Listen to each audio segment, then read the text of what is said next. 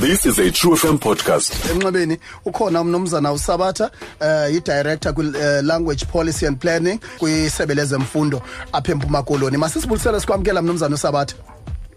Mandibolise msasazi kuwena kubaphulaphula olright um kukho uluvo oluthi into yoba u- u- umgangatho wolwimi lwesixhosa olufundiswayo uba usabatha um kwezi zikolo zasakwaziwa njengezikolo zabamhlophe okanye i-model c schools.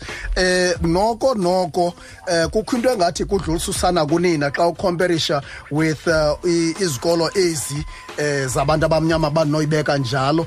Um siyaunderstanda kukho umcimbi we-first ne-second language kodwa wena mhlawumbi u- u- u- ungazingqinisisa um you know olu luvo okanye mhlawumbi um ikhona mhlawumbi into efuneka siyi-understandile ngalo mcimbi? Um msasazi kwezi zikolo besiya kuba zezabamhlophe sifundisa ulwimi lwesixhosa. Um njengolwimi lokuqala longezelelweyo. Nokokuqala ke ngoku inkqubo esiyilandelayo yokufundisa ethiwa ngucaps iyacacisa emasikulandele abantu ke ngoku abasincedayo sisisizwe ababhalayo ngabantwana bomthonyana eh a- ingabantwana bomthonyama nje ootitshala nabo aba bafundisayo. Bayabhala alright okay.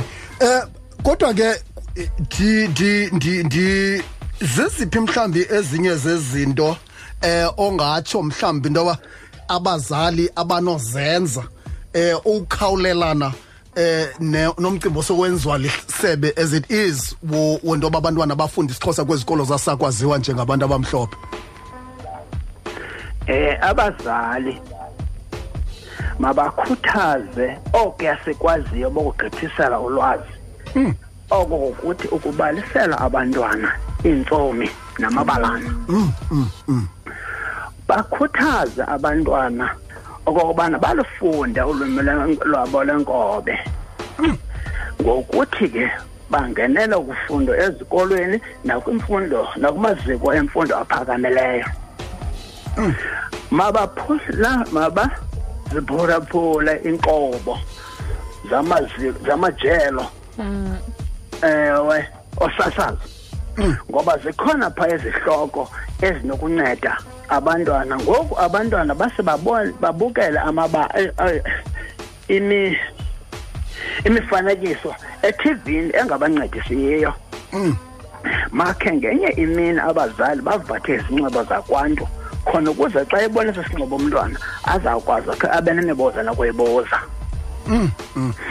ezikolweni makhe abantwana sibanike ithuba lokokubana babalise ngamazwi abo oko bathe bakufunda.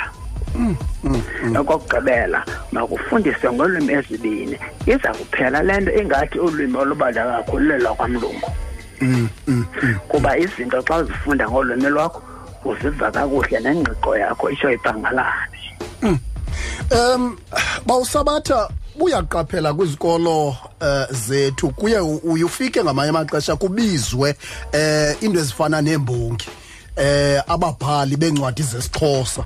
Ingaba kubaluleke kangakanani into yoba kwezi zikolo zasakwaziwa njengezikolo zabantu abamhlophe eh into yoba nabo babe nelo futhe babe nento ezinjalo babe nelaa nto kane ne- nabantu abathi babameme into yoba baze bazothetha ngokubaluleka kolwimi olu. Ingabi nje into yenzeka kwezi sikolo apho khona isixhosa asetyenziswa as a first language.